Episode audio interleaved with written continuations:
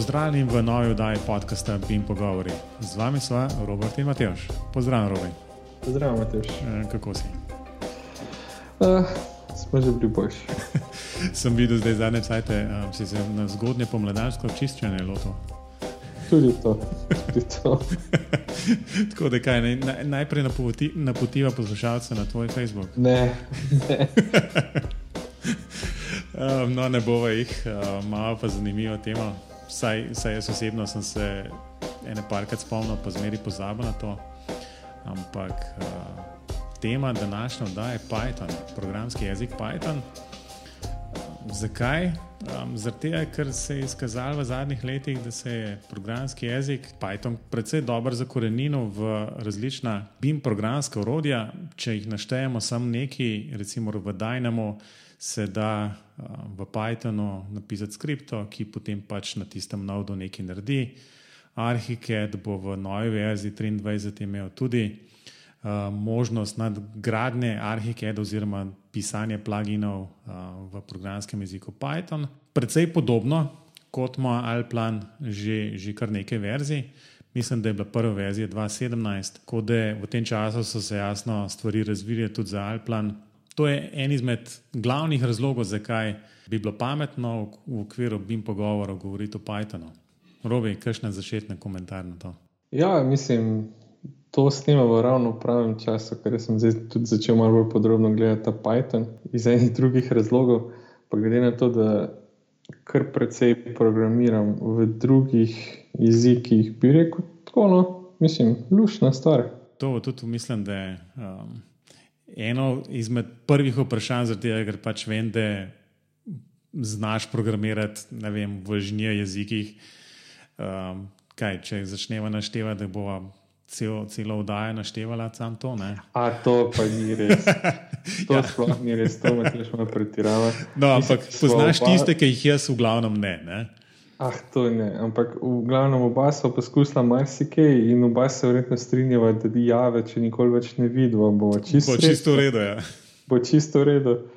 Um, pa so pa taki, eni, ko so že praktično izumrli, pa eni, ko ne vem, mogoče enkrat bojo, pa tisti, ki so z Microsoftom povezani, ko se jih tudi oba izogiba v zadnje leta. Pa tako, no. Jaz pa se veš, da sem bolj. Um, imam rad programiranje na spletu, tako da sem zadnje leto, predvsem v PHP-ju, programiral tam nekje vstal, ker mi je tako zelo, zelo priročen jezik za to, kar, kar sem počel. Ampak potem ta Python ima pa, ima pa ene druge stvari, mislim, ki, ki so zelo zanimive, pa čisto razumem, zakaj bi inženirji to uporabljali. No. Ja, zaradi tega, v bistvu stvari, stvari so tukaj vsekakor večplastne. Tako kot si rekel, zakaj bi inženirji uporabljali to, to se ne omejuje samo na pač uporabo Pythona znotraj teh BIM um, urodij, ampak tudi sicer zelo nasplošno. Um, ena taka tipična stvar, ki jo običajno omenjam, je, da, je Python v povezavi z določenimi Python knjižnicami, ki um, dajo določeno funkcionalnost um, samemu programskemu jeziku, um, za delo z matrikami, za izvajanje različnih um, algoritmov in pa konec koncev risanje raznovrstnih grafov. Skratka, če te stvari skupaj zložiš, dobiš bolj ali manj matlab ven. In uh, matlab vemo, da je pač program, ki precej stane. Po drugi strani je Python s vsemi temi knjižnicami, ki jih bomo recimo omenili v tem podkastu, v tej vdaji in pa morda tudi kateri naslednji, um, je praktično zaston. Mislim, ne praktično, ampak je zaston. Ja, je zaston. No, in zdaj vsem, vsi poslušalci, no, ki se tega še niste lotili, pa mogoče vidite, kako uporabo, kako potencijalno uporabo, bi rekel samo, da se morate lotiti. Ne.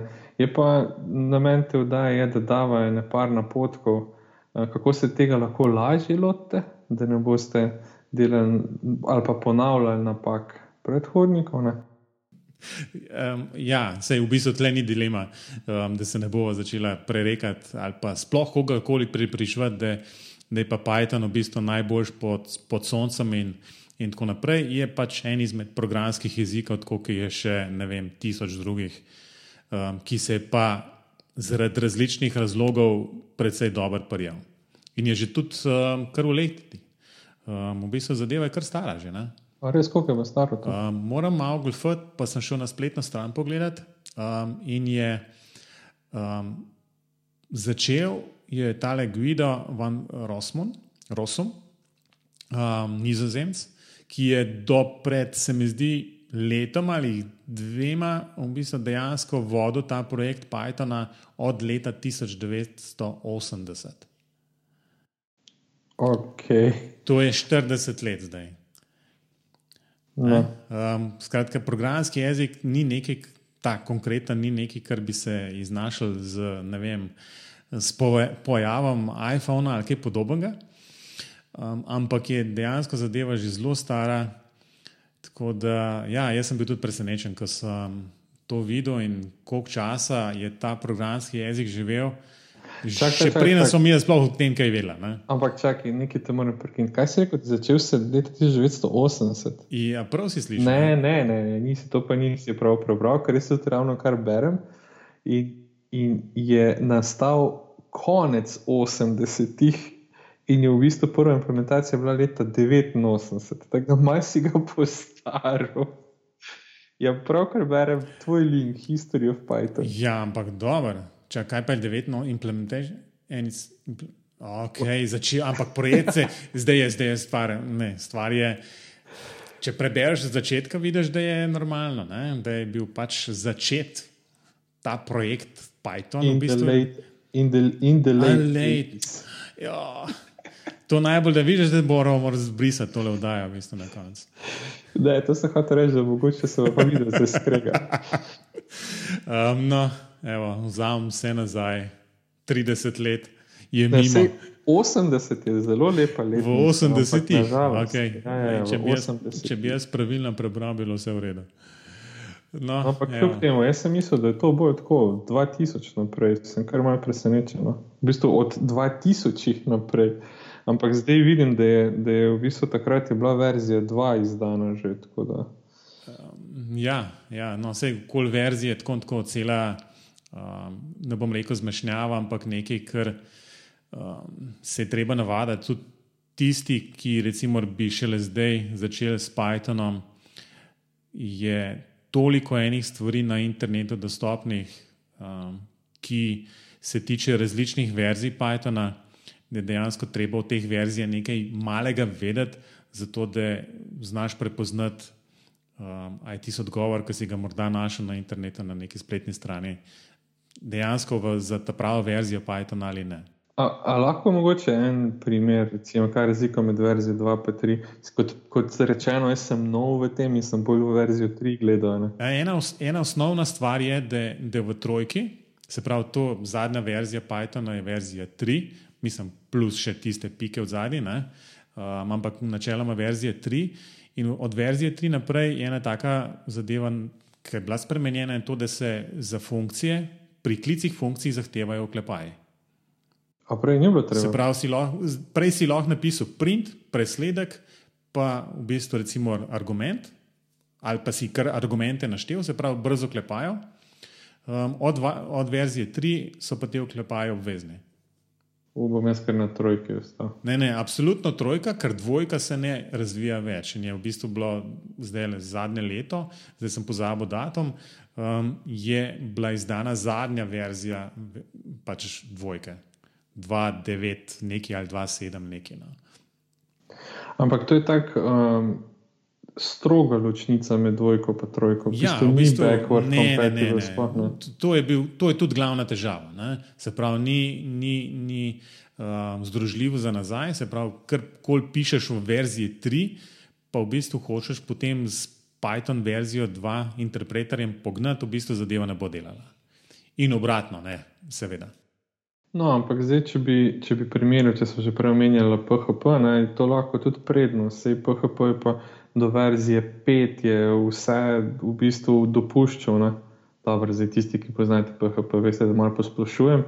Potem je verzija 6 kar preskočil, zdaj pa verzija 7, ko pa dejansko full story ni združljivih za nazaj, med drugim tudi neke, neke funkcije za povezavo z MySQL-om. To, no. to, to pa tudi ni prava pot, če bi tako rekel. Ne? Če so desetletja nekaj podpira, zdaj pa preskočijo. Tako da jaz mislim, čist razumem to odločitev. No? Ja, v bistvu, no, še ena, ena stvar je, ki pa recimo se nas bolj tiče, ne, ne angliško nujno govorečih, um, je pa to, da od verzije 3 naprej um, dejansko delajo Unicode 8, tako kot je, tako kot je treba. Ne. Ja, prej ni, prej so bili ne, prej, prej, so bili, prej je bilo to cela zmešnjava. Um, no, od, od takrat naprej, od verzije 3, so pa stringi takšni, kot si jih mi predstavljamo, da morajo biti. Taki, da te lahko noter, če še že napišeš, čisto normalno, ne, da bi zraven moral um, ne vem, klicati ne vem koga na pomoč. Ne. Tako da ja, to je kar velik, velik plus. Ne. Tako da um, ena, ena stvar, ki je jasno ker je Python odprto koden programski jezik, um, recimo pač spletna stran za sam programski jezik je python.org. Um, tam tako dobite vse potrebne in nepotrebne informacije, vključno jasnost, tudi dokumentacijo um, za vse funkcije in um, različne verzije in ne vem kaj že vse. V bistvu hotel sem reči to, zato ker je Python odprto koden programski jezik, je zelo veliko um, programov, Recimo en tak tipičen, ki ga mogoče poslušalci poznajo, je ArcGIS. Um, skratka, to je program za obdelavo GIS podatkov, um, kar pomeni, bolj ali manj geodeti živijo v tem programu um, 24 ur na dan. Um, no, in ArcGIS je program, zdaj ne vem, če je v zadnji verziji še zmeraj tak, da je v bistvu sabo, ko ga inštaliraš, dejansko prinese Python, ampak Python verzijo 2. Um, Ojej, ja, um, kar se pozna potem, če, ker ni problem, da imaš več verzij Pythona nameščenih na istem računalniku, vse je v redu, ampak to moraš vedeti, ne? ker potem pač, če hočeš konkretno verzijo programa, Pythona programa um, pognati, se pravi, zato da izvedeš um, svoje skripto, potem je pač treba vedeti, kako so te poti nastavljene, da po pomoti ne poženeš Python ki je skupaj z Argisom prišel. Ne. Tako da, ja, zmeri so kakšne takšne čudne težave, ampak, kar si že omenil z instalacijo, um, spet kot posledica odprtokodnosti je podobna zgodba kot recimo pri Linuxu, ki imaš um, različne distribucije. Je tudi v, pač v sklopu programskega jezika Python, je možno ta Python dobiti razli, skozi različne distribucije. Ena taka klasična, jasno, ta, ki je recimo um, official ne, um, na python.org. Bom rekel, za tiste začetnike morda niti ni naj, najbolj primerno, da, da tisto namestijo, ampak za tiste, ki bi recimo želeli s Pythonom nekaj začeti delati, je, bi jaz toplo priporočal, da grejo na Nakondo Python. To je pa ena distribucija, ki jo sicer mislim, da je angliška firma, ki se ukvarja z procesiranjem podatkov, um, pripravlja. In um, posebnost te distribucije je potem, da vključuje praktično vse knjižnice, um, ki bi jih kadarkoli um, kdo potreboval. To je v, v tisti official distribuciji v bistvu treba pol sprot nalagati, takrat, ko rabiš recimo neko NumPy knjižnico, jo pač namestiš, um, ni ne vem, kakšen big deal, ne?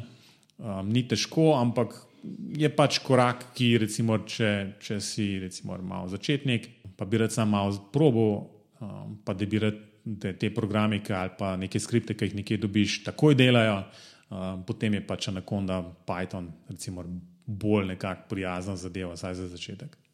Ja, pa poleg Pythona Anaconda prenese sabo še en kup nekih orodij za razvoj, pa, pa nekih umestnikov. Ja, pa absolutno je, absolutno je um, nekako skonfigurirana tako, da je kar se da hitra zadeva. Um, zato tudi, recimo, tisto nekako, um, da ima tla po bistvu Python plus nekaj knjižnic, lahko bi nekdo takoj govoril, Matlab je pa ja zadeva, ki je hitra in ne vem kaj še vse. Ja, res je, Matlab je, je hiter, ampak Python v, v kombinaciji s temi knjižnicami je točno tako skoraj hiter kot MATLAB. Tako da ni, ni, ni to nek razlog, zakaj, zakaj se pa tega ne bi šel. Ne. Da, ampak to dejansko pomeni, da ne more biti te knjižnice pravilno um, nameščene, um, skompilirane in skratka, pripravljene za, za, to, za to delo. No, malo smo že zajadrali v, v, v, v neke podrobnosti um, Pythona. Ja, no, sej, mislim, pri teh programskih jezikih zelo hitro zajadraš v podrobnosti in zelo težko je začeti. In jaz zdaj lahko rečem, da sem pred kratkim prvič dejansko namestil Python na svoj računalnik in sem šel čez stol. No, in lahko rečem, da je na koncu res nekaj zelo uporabnega. Čeprav je pa tudi tam kar mal zmed, zmedeno um, ker je en kup nekih zvezkov, to so neki pač okolja za pripravo ali pa urejanje te Python kode. Pa pa je sto načinov, kako to zaženeš. Pa... Ja, trpi, trpi za, trpi za tisti, tisto zadevo odprto kodnosti, tako, kjer, tako. kjer se da vse narediti na milijon načinov. Ni pa enega pravega. No, Ni pa enega, rec, recimo, res tistega, ki ga na koncu vsi začnejo uporabljati. No, ampak lahko rečem, da ko, takoj, ko ti postane stvari malo bolj jasne, no, mogoče tudi imam malo več kilometrine kot drug, no, ampak pa je zelo hitro, no, dojameš, pa, pa lahko napreduješ. Je pa tako, no, zanimivo. Dopušča zelo velik, obenem pa, pa ima pa ene omejitve, ko jih pač enostavno moraš vedeti. Um, ampak to je tako, tako z vsemi programskimi jeziki. Dejeni so. Pač je, pa, je pa v bistvu mogoče ena stvar, ki je treba poudariti tukaj, je, je to, da je um, Python interpretiran programski jezik. Um, kar pomeni, da tiste, tistega koraka prevajanja programske kode v izvršno kodo v bistvu ni tukaj.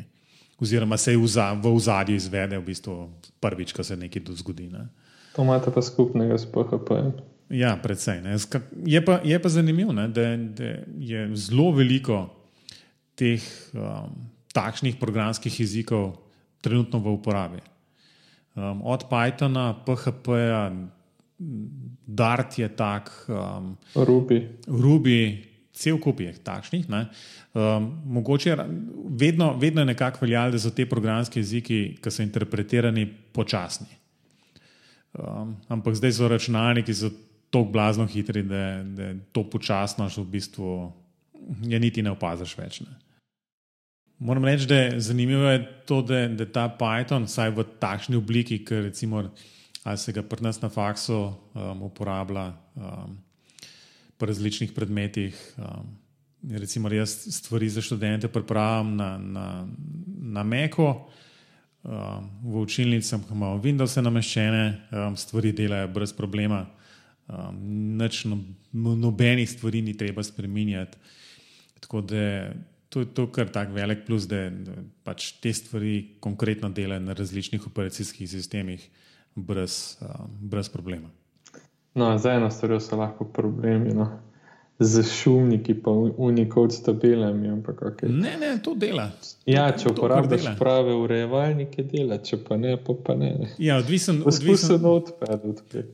Ne, ne, to ja, v kjermu na odpedu, na odpedu plus plus. Ah, no, Tis je, mislim, da je zdaj 2020, Microsoft lahko predlagamo, da, da bi ta program kar umaknil ven iz operacijskega sistema, zato ker je pa No, ampak hotel sem, veš, nekdo mora dati nekaj negativnega zraven. Ne, ne, vse negativnih stvari je veliko. Uh, ampak to je mogoče za, za kdaj drugič, kot da je danes smo samo pozitivni. Danes je vse lepo, Python je zakon. Ja, danes, danes je pisko, da sem na mami in na njega, pa drugič pa pa realna tla. No, ampak prej sem v vodu nekaj obljubljal, da, um, da je Python nekako dober poročen z, z BIM programskimi urodji. Um, Rečemo še kaj na to? to. Ja, deva. Zdaj, jaz bi sam, preden boš začel z uh, Revitom, pa Dynamom, no, bi sam povedal, da sem jaz v bistvu, ko je bila Build konferenca v Sloveniji, mislim, da bo to lani, ne, ne dve leti nazaj, že zdaj. Um, sem videl, so imeli eno celo delavnico o tem, kako lahko Python direktno noter v menije v Revit preneseš prek nekega umestnika, revitovega umestnika. No. In takrat so predstavljali tudi ogromno urodij, narejenih v Pythonu, ki lahko olajšajo delo v Revitu, pri čemer so uporabljali pač te API -e, oziroma te programske umestnike Revita, pa tudi neki Dynamo, pa tako naprej. No. In že takrat se mi zdi to blazno zanimivo. Uh, ampak še bolj zanimivo se mi zdi pa zaradi tega, ker če bi tiste ljudi poslušali, bi mislil, da mora biti gradbenik tudi pol programerja, ne? Kar seveda ni resno. Ampak do neke mere pa tako, no, če si olajšaš delo, pa, pa če to deluje, zakaj pa ne? ne? Dobro si, dobro se me na to spomnil. No? Ker ko sem razmišljal o tem, kaj, o čem bi sploh govorila, sem zmeri, zmeri nekako prišel do tega, da mogoče se pa pa vprašati, a more gradbenik sploh znati programirati. Kakšno je tvoje mnenje okoli tega? Ne, jaz mislim, da absolutno lahko shaja brez tega, da bi programiral, da je lahko pa njegovo gradbeniško ali pa projektantsko življenje precej lažje, če znano. Jaz bi tako rekel. Že če znate v Excelu, kaj na programirati, je doskrat precej lažje. Če znate pa v nekem modelirniku, v katerem ste vsak dan si kaj olajšati s kakim programskim jezikom, je pa sploh lažje. Ja, sej, mislim, da je, da je bil odgovor z moje strani zelo podoben. Se pravi, ni, ni stvar o tem, da, da mora pa vsak inženir na koncu koncev znati dobro programirati. Um, tudi to, kar recimo imamo na, pri nas na faksu, okoli programiranja, je, je res, res takšne osnove, da se mi zdi, da študente bolj učimo razmišljati po nekih korakih in skozi neke algoritme, kot pa da iz njih delamo uh, neke programerje. Um, absolutno to najbrž ni potrebe potem. Je pa ena zadeva res, da zelo težko boš našel enega, recimo, splošnega, splošno izobraženega Python programerja in mu rekel, ok, da ti, ti bi pa za me v Arhikedu nekaj naprogramiral ali pa v Allplanu bi nekaj naprogramiral. Um, ne bi, bi šle te stvari precej počasi. Tako da konec koncev en inženir najbrž se bo pa mogoče bolj usmeril v to, to stran. Bima, um, ki nekako bolj nudi podporo enim, enim načrtovalcem, kot pa da sami neki projektirajo. Ena, ena izmed želja je tudi, uh, da, da bi v tem nekaj več povedali v naslednjih oddajah, skozi pač uporabo Pythona v različnih programskih urodjih. Imeli smo že Revit, pa Dynamo, Alplan, Archicad. Tako da, ja, želja, želja najbrž je posvetiti nekaj oddaj um, na, na, na te teme. Ja, ampak pred, predvsem za Alplan imamo mi dve neke izkušnje. Pred par let je bilo teh ljudi, ki bi se ukvarjali direktno s Python parci, ki so dejansko v Pythonu naprogramirani. Um, ne vem, spoh, če jih je bilo kaj v Sloveniji, ali pa jih je bilo zelo malo. Razlog je tudi v tem, da je bila dokumentacija takrat izjemno slaba, ampak od tega je zdaj že par let. No. Oziroma, ne bom rekel slabo, ampak v angleščini ni bilo kaj, smo mi, da smo pa bolj za nemščino, nismo ravno fluent. um, ja, res je. So, stvari so se počasi začele zlagati skupaj. Vprašanje, no, kot sem gledal tudi um, danes, ta dokumentacija še zmeraj ni na nekem zelo visokem nivoju, se mi zdi še zmeraj to tak black, black art v bistvu ne, za, za tiste posvečene, ki, želijo porabiti ne vem koliko časa, da, um, da se te stvari naučijo. Čeprav jasno te začetki, konkretno za Alplan, v bistvu nekaj naprogramirati ni, ni tako blazno težko. Mi je pa vprašanje, koliko. Koliko dela je treba vložiti za, za, za razvit nek, nek konkreten Python part ali pa smart part v bistvu uh, v Alplanu. Ampak uh, To je mogoče zgodba ali pa za intervju um, s kom od poslušalcev, ki imajo mogoče več prakse okoli tega. Tako da je absolutno se priporočava za kakšen kontakt. Uh, če, če se s tem veliko ukvarjate, pošljite nam uh, e-mail, uh, se bomo rade volje dogovorili za, za kakšno oddajo, ki bo pač pokazala um, osnovne stvari, kako to narediti. Ja, pa še nekaj bi jaz dodal, da takrat, ko smo se mi tega želeli lotevati, smo ugotovili, da je boljš, da se tega loti nekdo, ki ve, kaj je težava, pa kaj je težava, ki jo rešuje, kot nekdo, ki bi se vključil samo zato, da bi nekaj naprogramiral. Zato, ker če ti program dosti dobro poznaš, pa veš, kaj bi rad z enim takim Python partom ali pa kako koli reševal ima uh, že polnarejeno.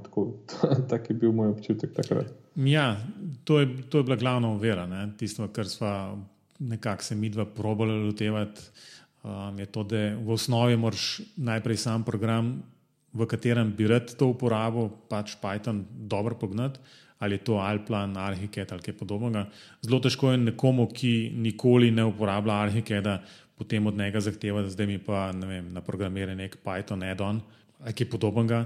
Zelo težko, ne? ker je toliko enih podrobnosti, ki so vezane na Arhicad, se pravi od programskega umestnika, ki ga lahko uporabiš um, iz Pythona zato da pač vem, postaviš določene stene ali vem, karkoli takšnega. Zdaj, če ti sploh ni jasno, kako ne bi to šlo, um, je zelo težko. Mislim, ti samo znanje Pythona, ne vem, pa Forzanko Pythonu čisto ne pomaga.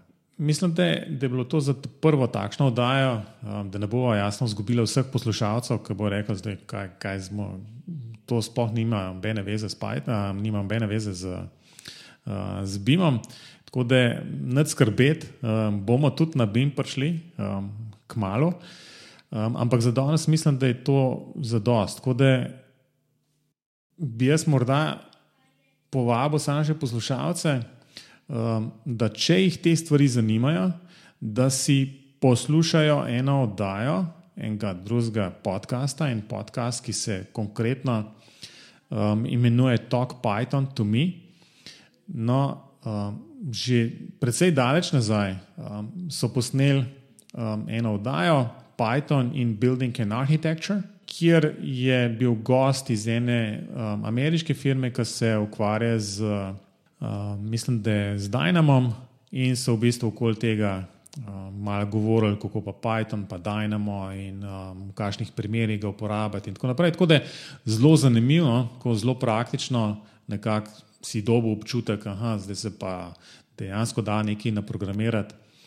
Uh, tako da toplo priporočam in podcast, in tisto specifično oddajo, uh, zato da dobite mogoče malo tudi širšo sliko uporabe Pythona v, v pač teh urodjih. Ja, gre pa za 162 oddajo. Bo pa to polinkan v, v zapiskih, tako da uh, z veseljem uh, povabim vse na bimpogovori.si, tam boste našli zapiske te oddaje in um, boste lahko tudi v stvareh, ki smo jih um, z robijo omenjali, od um, razno raznih distribucij, posebnosti in podobnih stvari, boste tam našli polinkan in boste se lahko mogoče um, stvari malo naprej pogledali. In kot rečeno, um, želje je posneti kakšno takšno oddajo, ki je bolj specifična za posamezno orodje. Ta je bila res tako malo nasplošno o Pythonu in programiranju. Um, ampak, kot rečeno, um, zelo težko je ta govorni, govorni del, um, pa govoriti konkretno o Pythonu ali pa programiranju je zelo težko.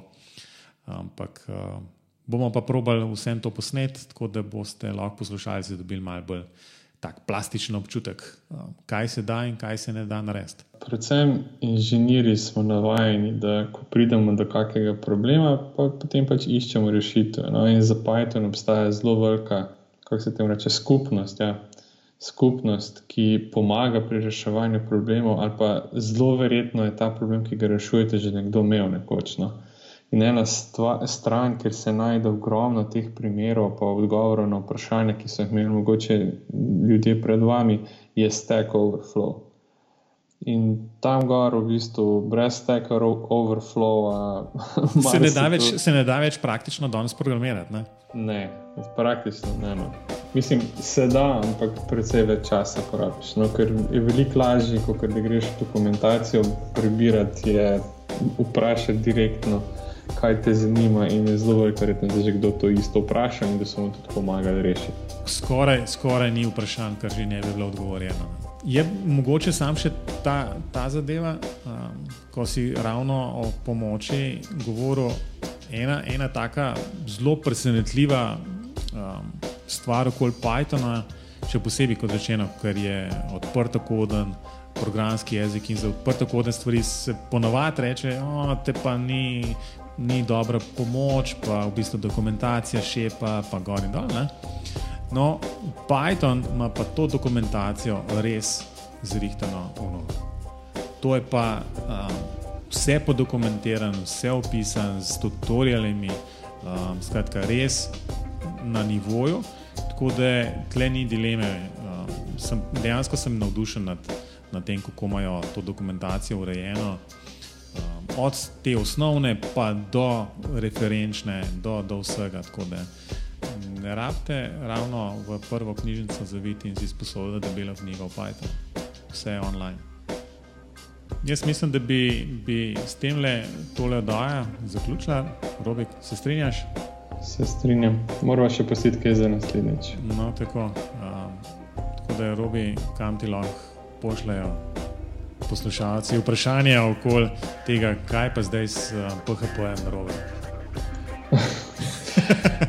Lahko Robert, afnaklinc.net, pa ne pretiravati, prosim. um, no, vsekakor si pa oba želiva, da je kakšno sporočilo. Pošle kar, pošljete kar direktno na info, afna, bim pogovori.si. Kot rečeno, če ste vešči in vsak dan programirate v Pythonu znotraj katerih izmed uh, orodij, ki so blizu Bima, ali pa to delate samo zato, ker vam je Python všeč vsekakor se nam oglasite. Bi radi kakšno posneli, kakšno tako oddajo, zelo praktično. Tako da to je skratka vse za tole oddajo, robi in poslušalci, adijo. Adijo.